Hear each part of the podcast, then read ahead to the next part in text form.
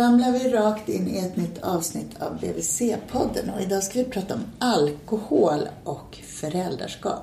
Mm. Jag heter Malin Bergström, jag är barnhälsovårdspsykolog och idag pratar jag med Ola Siljeholm som är psykolog på Riddargatan 1 inom Beroendecentrum Stockholm, eh, mottagning för alkohol och hälsa och är också doktorand på KI, eh, Karolinska institutet.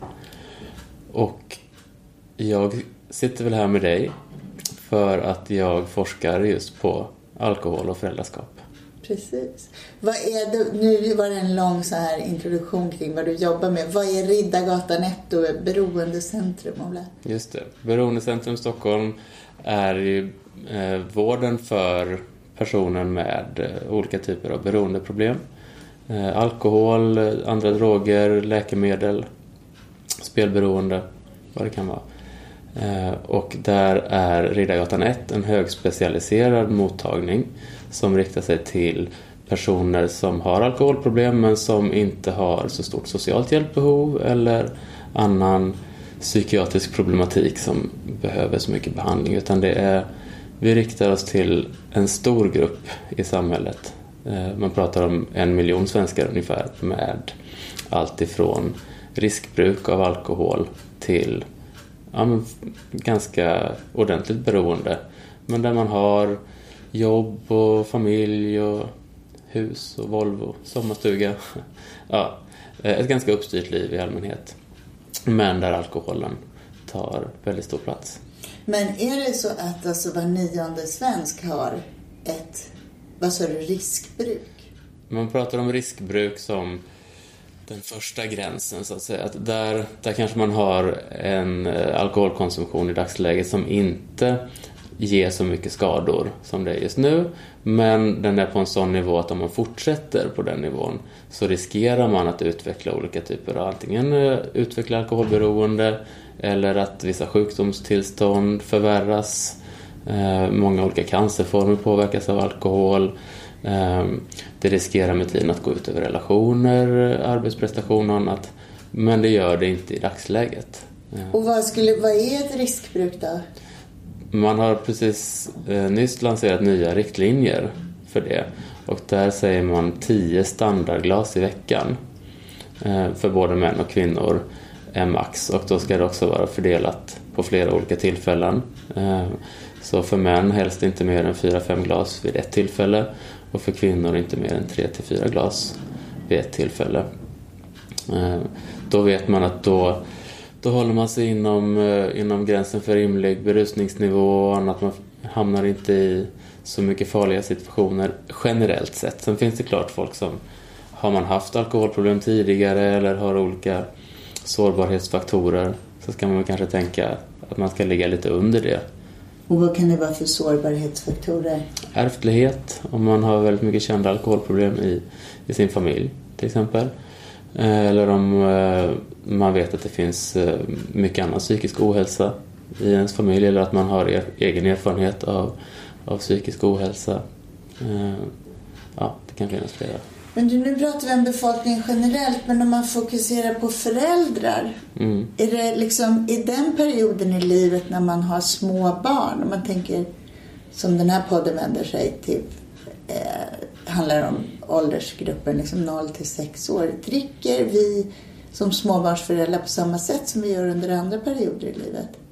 Nej, eh, för det mesta inte. Eh, just eh, det här med riskkonsumtion är egentligen allra vanligast i åldern mellan 20 och 30 ungefär. Eh, sen efter det, det är då man börjar skaffa familj och jobb, eh, liksom mer, mer avancerade jobb och annat som gör att man skär ner generellt. de flesta börjar ju skära ner sin konsumtion i den åldern. Sen är det ju en hel del som inte klarar av att skära ner sin konsumtion där, som fortsätter på samma nivå och det är då riskbruket utvecklas till ett skadligt bruk eller beroende när man då inte kan skära ner. Men många börjar dricka betydligt mindre när omständigheterna ser till att man inte kan dricka lika mycket. Mm. Vilket i småbarnsåren verkligen är sådana omständigheter.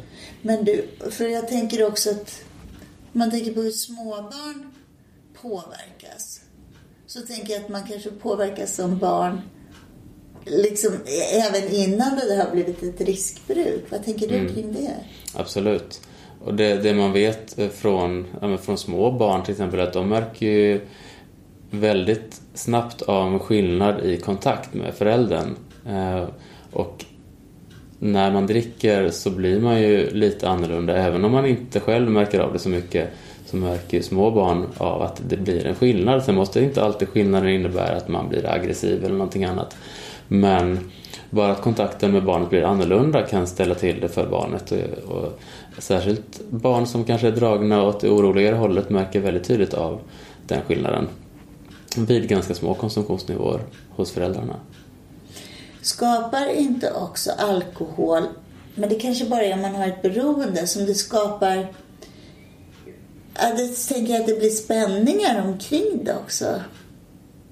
Mm. Som jag tänker påverkar både barn och hela familjekonstellationen på något sätt. Det kan det absolut göra. Alltså man ska inte eh, liksom demonisera all alkoholkonsumtion så, men verkligen och har det, finns det en historik av att det har förekommit problem kring alkohol så är det verkligen ett ämne som skapar spänningar mellan föräldrar och så. Det gör det absolut. Nu har vi pratat om alkohol, men jag tänker att det finns ju andra sätt att berusa sig eller mm. som man kan bli beroende av. Om man tänker droger, hur spritt är det om man tänker i befolkningen i allmänhet och bland småbarnsföräldrar? Mm. Eh, jag har inga exakta siffror kring det. Men självklart förekomsten av, av droger är betydligt lägre än vad det är med alkohol. Mm. Men det finns absolut småbarnsföräldrar som, som i olika grader tar andra substanser också som påverkar. Eh, och eh, med andra droger så, så riskerar man ju alltid att hamna nära en livsstil där man, eh, man möter på kriminella element eller liksom där, där man rör sig i andra typer av sociala miljöer. Mm. Just eftersom det är olagligt och man behöver införskaffa de här drogerna på olika sätt. Liksom. Men den stora gruppen, alltså, det är alkohol. Det är mm. alkoholkonsumtion som blir ett problem. Mm.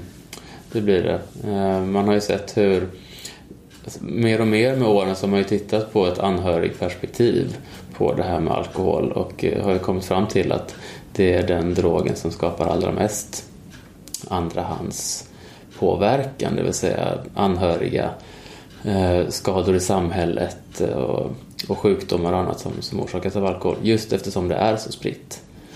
Men och det där anhörigperspektivet, vad kan du säga något om barn? Hur påverkas barn av att växa upp med föräldrar som dricker för mycket? Mm.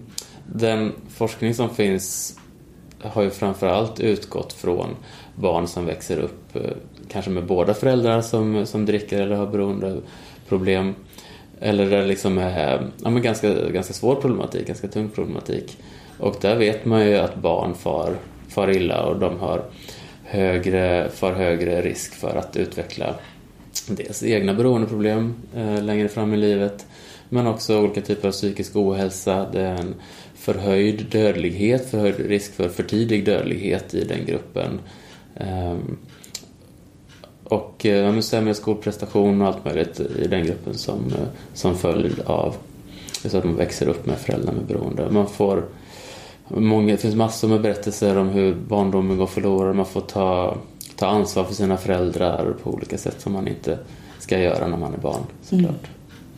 Så när du säger så, då tänker man att det här är verkligen någonting som man vill fånga upp redan på BVC. Mm. Om föräldrarna har sådana problem. För absolut. barnens skull. Mm. Ja, absolut. Ju tidigare. Och det, det gäller ju all beroendeutveckling att ju tidigare man fångar upp det, desto bättre för alla inblandade. Och desto enklare att kunna vända skutan innan det har gått för långt. Vad ska man göra då rent konkret om man misstänker att det kan vara så att, folk dricker, att föräldrar dricker för mycket? Fråga, helt enkelt. Ehm, det finns ju en allmän uppfattning både på vårdcentraler och på många BVC-mottagningar så att alkohol är någonting som är jättejobbigt att prata om. Ehm, sen när man väl när man frågar de som själva har alkoholproblem i alla olika skalor så tycker de inte alls att det är konstigt att man frågar. Eh, så det är helt enkelt att våga ställa frågan, få in det på ett naturligt sätt i det vanliga frågebatteriet som man har. Om man dricker som förälder, är man ofta medveten om att det där är en belastning för barnet? Eller är det en, är det en last som man förnekar? Liksom? Mm. Jätteintressant fråga och det, det beror ju väldigt mycket på hur långt det har gått, ofta skulle jag säga. Eh, många som jag träffar här som då själva dricker, de pratar om att nej, men jag gör det när barnen har gått och lagt sig eller de märker nog inte så mycket och sådär. Eh, sen är ju frågan hur hur mycket av det, alltså hur mycket barnen egentligen vet. Barn är ju väldigt uppmärksamma och, och medvetna om det mesta som händer runt omkring dem. Eh, så troligtvis skulle man fråga barnen så kanske de skulle, skulle vara mer medvetna än vad de vuxna själva tänker. Eh, och samtidigt så är det också en väldigt svår sak att ta till sig. Många, många värjer sig verkligen mot den känslan att det jag gör påverkar mina barn negativt. Eh, och sen så ska man ju också säga att man, man vet inte jättemycket om hur barn till föräldrar med kanske ett riskbruk eller liksom en, eh, en, eh, en inte allt för omfattande alkoholkonsumtion. Man vet inte riktigt hur den gruppen har det för att det inte forskats så mycket på den. Så de man har forskat på det är de som har uttalade problem som till exempel har varit inneliggande på grund av alkoholrelaterad sjuklighet eller sådär? Ja, men mer åt det hållet. Mm. Absolut. Men om, om man tänker att om jag dricker för mycket som förälder så säger jag till dig som är min psykolog eh, att ja, men jag dricker när de har lagt sig och de märker nog ingenting av det. Är det inte... Jag tänker att en stor konsekvens av att jag dricker mycket är inte det det som händer runt omkring. Det vill säga att jag kommer värna mitt drickande. Jag kommer, ta, jag kommer låta bli att göra andra grejer för att se till att jag får dricka.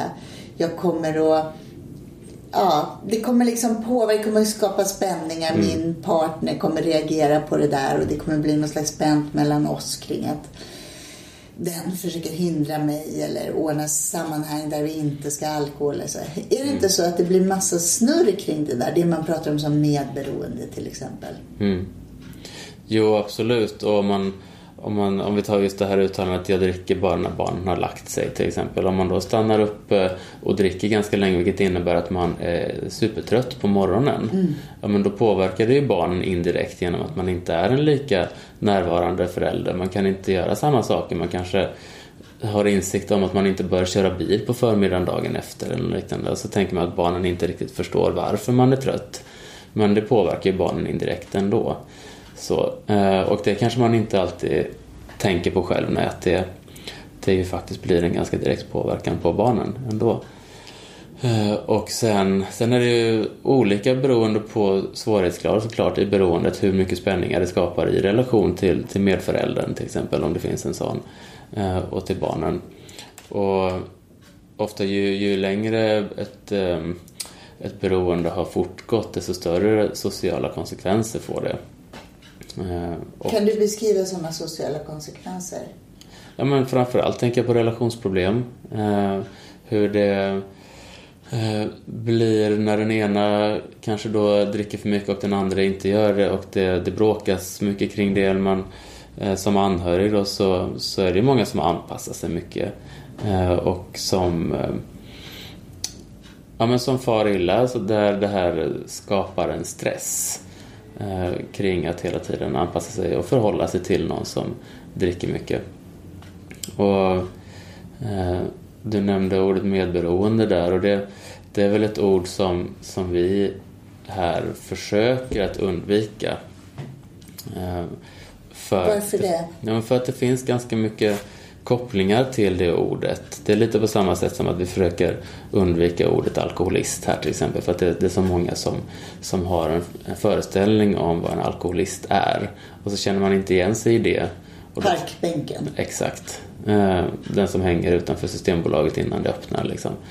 Eh, man känner inte igen sig i det och då tänker man att men då har ju inte jag alkoholproblem för jag är ju inte där. Mm. Så, och på samma sätt så kan det finnas en del saker som är behäftade med medberoende också, det begreppet, som man inte känner igen sig i. Eh, Vad då till exempel? Ja, men det här att man skulle ha eh, en bakgrund, eh, antingen att man då har växt upp med föräldrar som själva har beroendeproblematik, mm. att man har en bakgrund av att alltid hamna i relationer där man där man blir, där man upphäver sig själv så att säga och bara lever för den andra och så vidare. Sen finns det absolut människor som, som verkligen har de mönstren. Ehm, och där, där ett sånt begrepp kan vara jättebra att förstå. Men för många så, så kan det bli, och att överhuvudtaget prata om beroende och sånt där, det, det är också känsligt. Alkohol är en väldigt känslig fråga överhuvudtaget. Så för att komma ifrån sådana såna namn där det finns ett stigma kring det, det försöker vi göra, så därför pratar vi hellre om anhöriga och om, om relationsmönster som man befinner sig i och, och sådär. Vad tror du det där stigmat kommer ifrån? Varför är det så, så skam, skamligt att dricka för mycket? Eh, folk generellt tycker att eh, alkohol det är någonting man ska ha kontroll över på något vis och börjar man tappa den kontrollen så, så skäms man väldigt mycket för det och det är liksom Stigmafrågan är jätteintressant egentligen. Det finns ju någonting positivt med det eftersom man har så mycket skam kopplat till det begreppet så blir det ju reglerande på ett sätt mm. hos många. Eh, många håller sig så att säga på rätt sida på grund av att det är så skamligt att dricka för mycket. Men de som själva dricker för mycket, eh, det är de som blir drabbade av det begreppet för att de kanske då undviker att söka hjälp i tid eller så för att eh, det är för skamfyllt att, eh, att se sig själv som någon med alkoholproblem. Mm. Du jobbar ju då specifikt med anhöriga, Ola. Mm. Eller det är det du studerar. Mm. Vad tänker du att man kan göra som medförälder? Om jag har barn med någon som dricker för mycket vad är, vad är det som är viktigt i mitt föräldraskap då för att skydda barnet mot negativa konsekvenser av att ha en, en förälder som dricker för mycket? Mm. Eh, dels så handlar det om att eh, ha ett barnfokus ganska mycket. Det, det jag kan märka ibland är att man är väldigt upptagen av relationen som det blir eftersom det blir ofta en ganska ojämställd relation där en person tar mycket plats, det vill säga den som dricker. Eh, och då kanske man är så fokuserad på att få relationen att fungera att man ibland kan glömma bort barnen lite grann. Och att försöka skifta fokus till att umgås mer med barn, fokusera mer på barnen helt enkelt. Att eh, tillbringa mer tid eh, tillsammans med barnen, skapa en så, så trygg miljö kring dem som möjligt. Eh, sen finns det saker man kan göra i relation till den som dricker också. Som? Eh, ja, men som till exempel hur man kan förhålla sig till, eh, till personen när hen är berusad. Att eh, inte till exempel försöka, alltså försöka undvika att eh, bråka med personen när, när den är berusad. Eh, lämna den i fred när den dricker. Eh, sen är det vissa som verkligen vill bli lämnade i fred när de dricker och då då är inte det en, eh, liksom en specifik eh, metod som man måste göra. Men för många så, så är det så att säga, tråkigare att sitta och dricka ensam än att ha närheten av någon där. Även om det innebär att man bråkar så mm. är man åtminstone inte ensam. Så helt enkelt lämna personen i fred när den dricker. Eh, och sen när personen är nykter istället kunna prata i så fall om jag tyckte att det där var tråkigt. Men sen också skifta fokus till att försöka uppmuntra positiva, nyktra saker som den här personen gör. Att försöka komma ifrån det här med bråk och, och sånt och istället fokusera på vad personen gör som är positivt. Så att det vet man att det, det kan vara väldigt verkningsfullt att uppmuntra positiva beteenden. Det låter som så här grundläggande KBT eller grundläggande föräldrastöd ja. överhuvudtaget. Ja. Att, nu tittar vi på det som är bra. Så, och mm. det du säger någonstans det är att man frigöra den där energin som sugs upp. Om du dricker för mycket och jag är din tjej då, eller din medförälder, då kommer mycket av min energi gå åt till ditt drickande. Mm. Och det är det du vill koppla loss. Att jag ska bli fri inför det och fokusera på det som gör mitt liv roligt och det som är viktigt, det vill säga barnen. Mm. Ja, det är väl liksom grund och botten. Eh, så, och sen så kan ju det om om den personen som dricker då, om vi säger att jag dricker för mycket, om jag märker att du och barnen börjar få det väldigt kul ihop och göra nya saker tillsammans och, så här, och du är väldigt tydlig med att så här, men du får vara med när du är nykter. Då kommer jag kanske få en sporre att avstå från att dricka för att kunna få vara mer med er och barnen.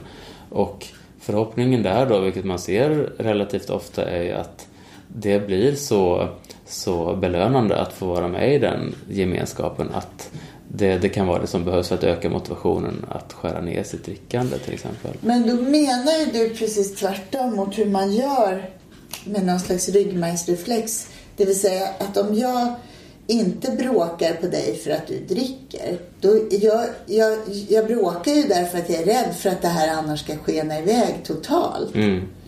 Och det är därför jag tycker att jag tar ett slags ansvar som medförälder också. Mm. När jag mm. engagera mig i det här. Mm. Men du menar att det funkar precis tvärtom. Det hjälper inte. Om jag försöker stoppa dig från att dricka och bråka med dig om det. Du menar att det hjälper inte?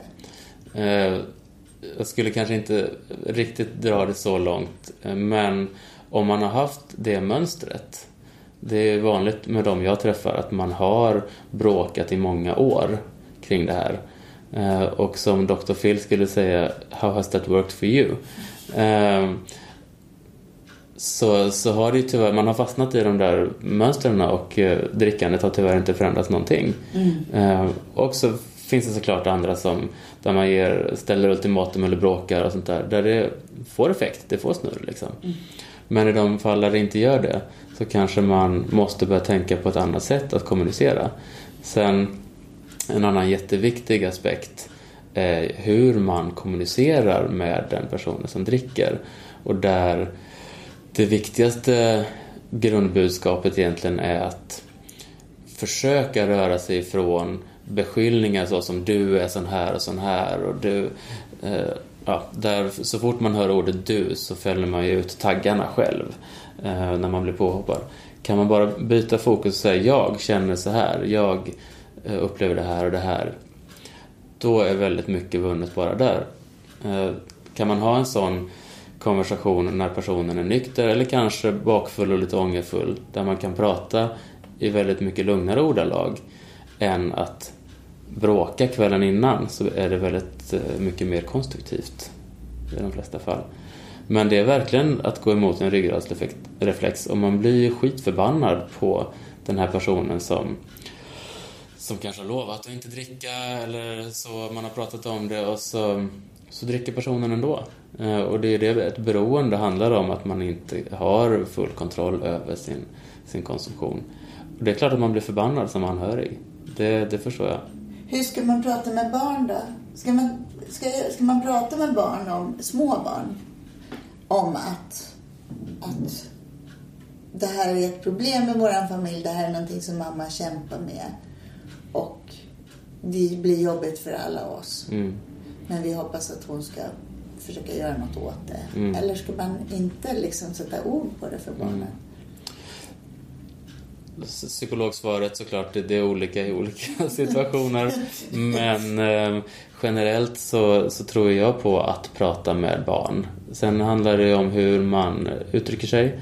Eh, det är jätteviktigt för barnet att få möjlighet att liksom, ställa frågor och, och uttrycka sig om saker. Att man kanske får, får hjälpa barnet. Och har, särskilt om det har hänt någon, eh, någonting, någon eh, incident som har varit eller något stort gräl där man vet att barnen har, har hört och sett det här. Så också liksom i en lugn stund sen att kunna prata och låta barnet fråga.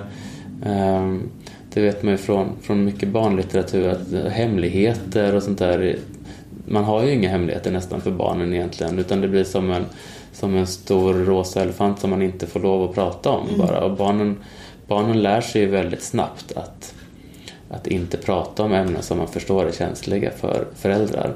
Så att kunna öppna upp för möjligheter för barn att ställa frågor är jätteviktigt och det finns, det finns lite olika, olika tips på olika ställen hur man kan ta upp sådana här frågor med barn. Kan du ge något exempel? På vad man kan hitta? Ja, så. både vad man kan hitta men också direkt nu vad man kan säga.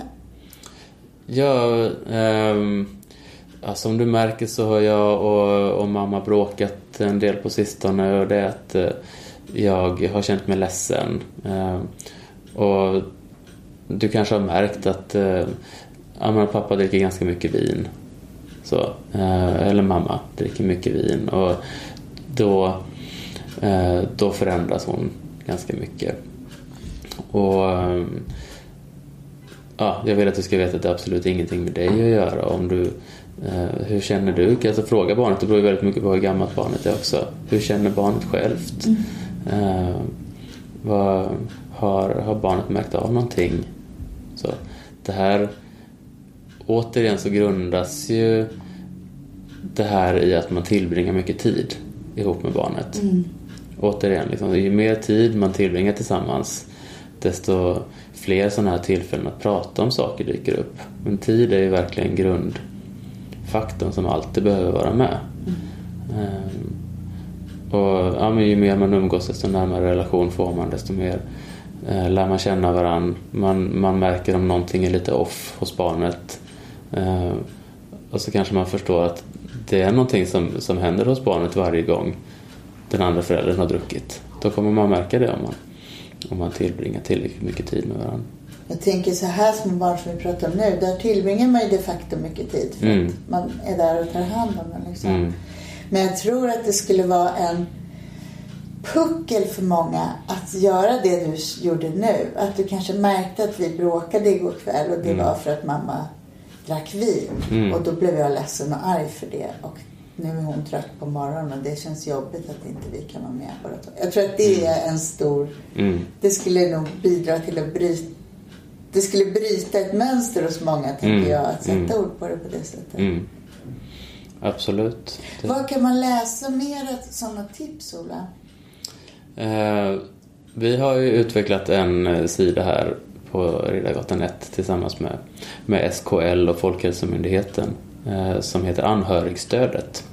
Anhörigstödet.se. Eh, där kan man läsa en hel del och just nu så prövar vi en hel del olika program för anhöriga till personer med alkoholproblem. Eh, så där kan man gå in. Eh, det finns också väldigt bra skrivet på eh, 1177, Vårdguiden.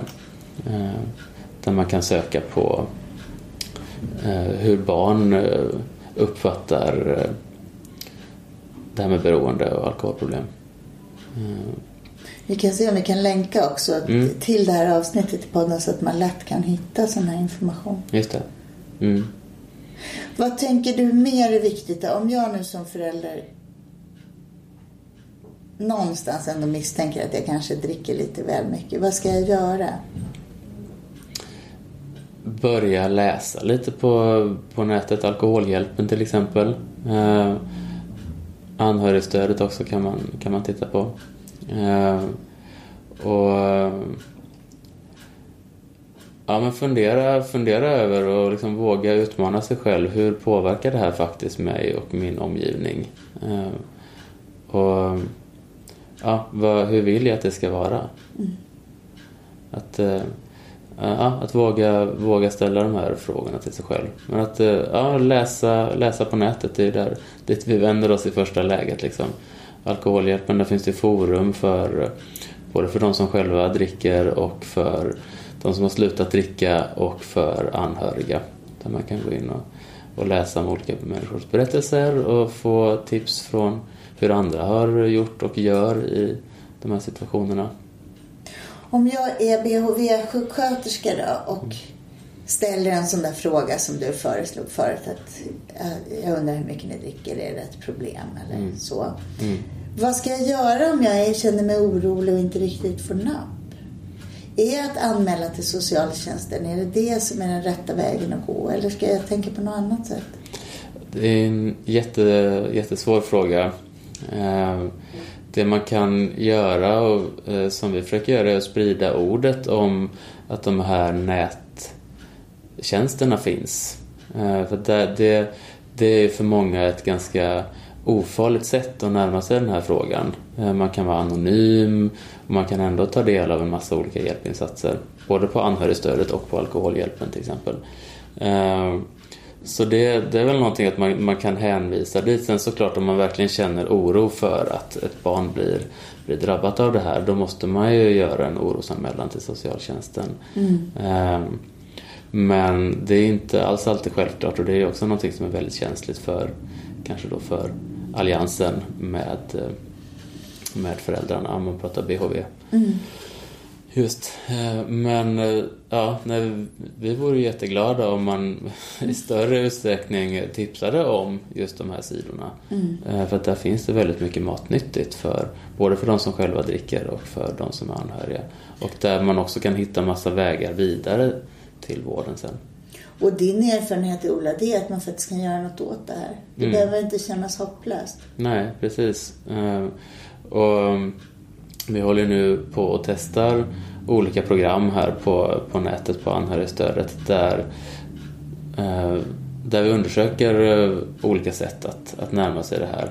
Och där man vet att det går, det är väldigt eh, hjälpsamt att få lite mera koll på situationen, att göra lite kartläggningar av sin situation. Att eh, eh, det kan bli lite mer struktur. Allting händer inte bara helt helt random utan man kan få lite bättre koll på, på saker och ting med ganska små medel egentligen. Eh, och det går att, eh, att eh, göra något åt eh, sitt eget alkoholbruk och det går att, att påverka sin situation även som anhörig på olika sätt. Det gör det. Det var fina, det var fina ord. Är det någonting som du vill säga som jag har missat att fråga om? Nej, inte som jag kan komma på på rak arm. Då ramlar vi ut från den här podden så säger jag tack till dig Ola för att du var med. Tack själv, vad kul att vara med.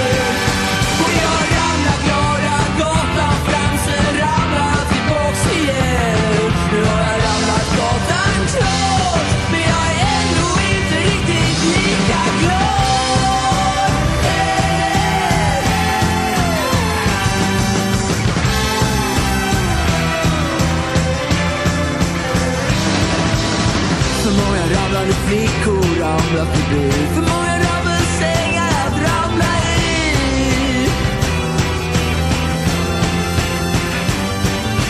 Människor ramlar runt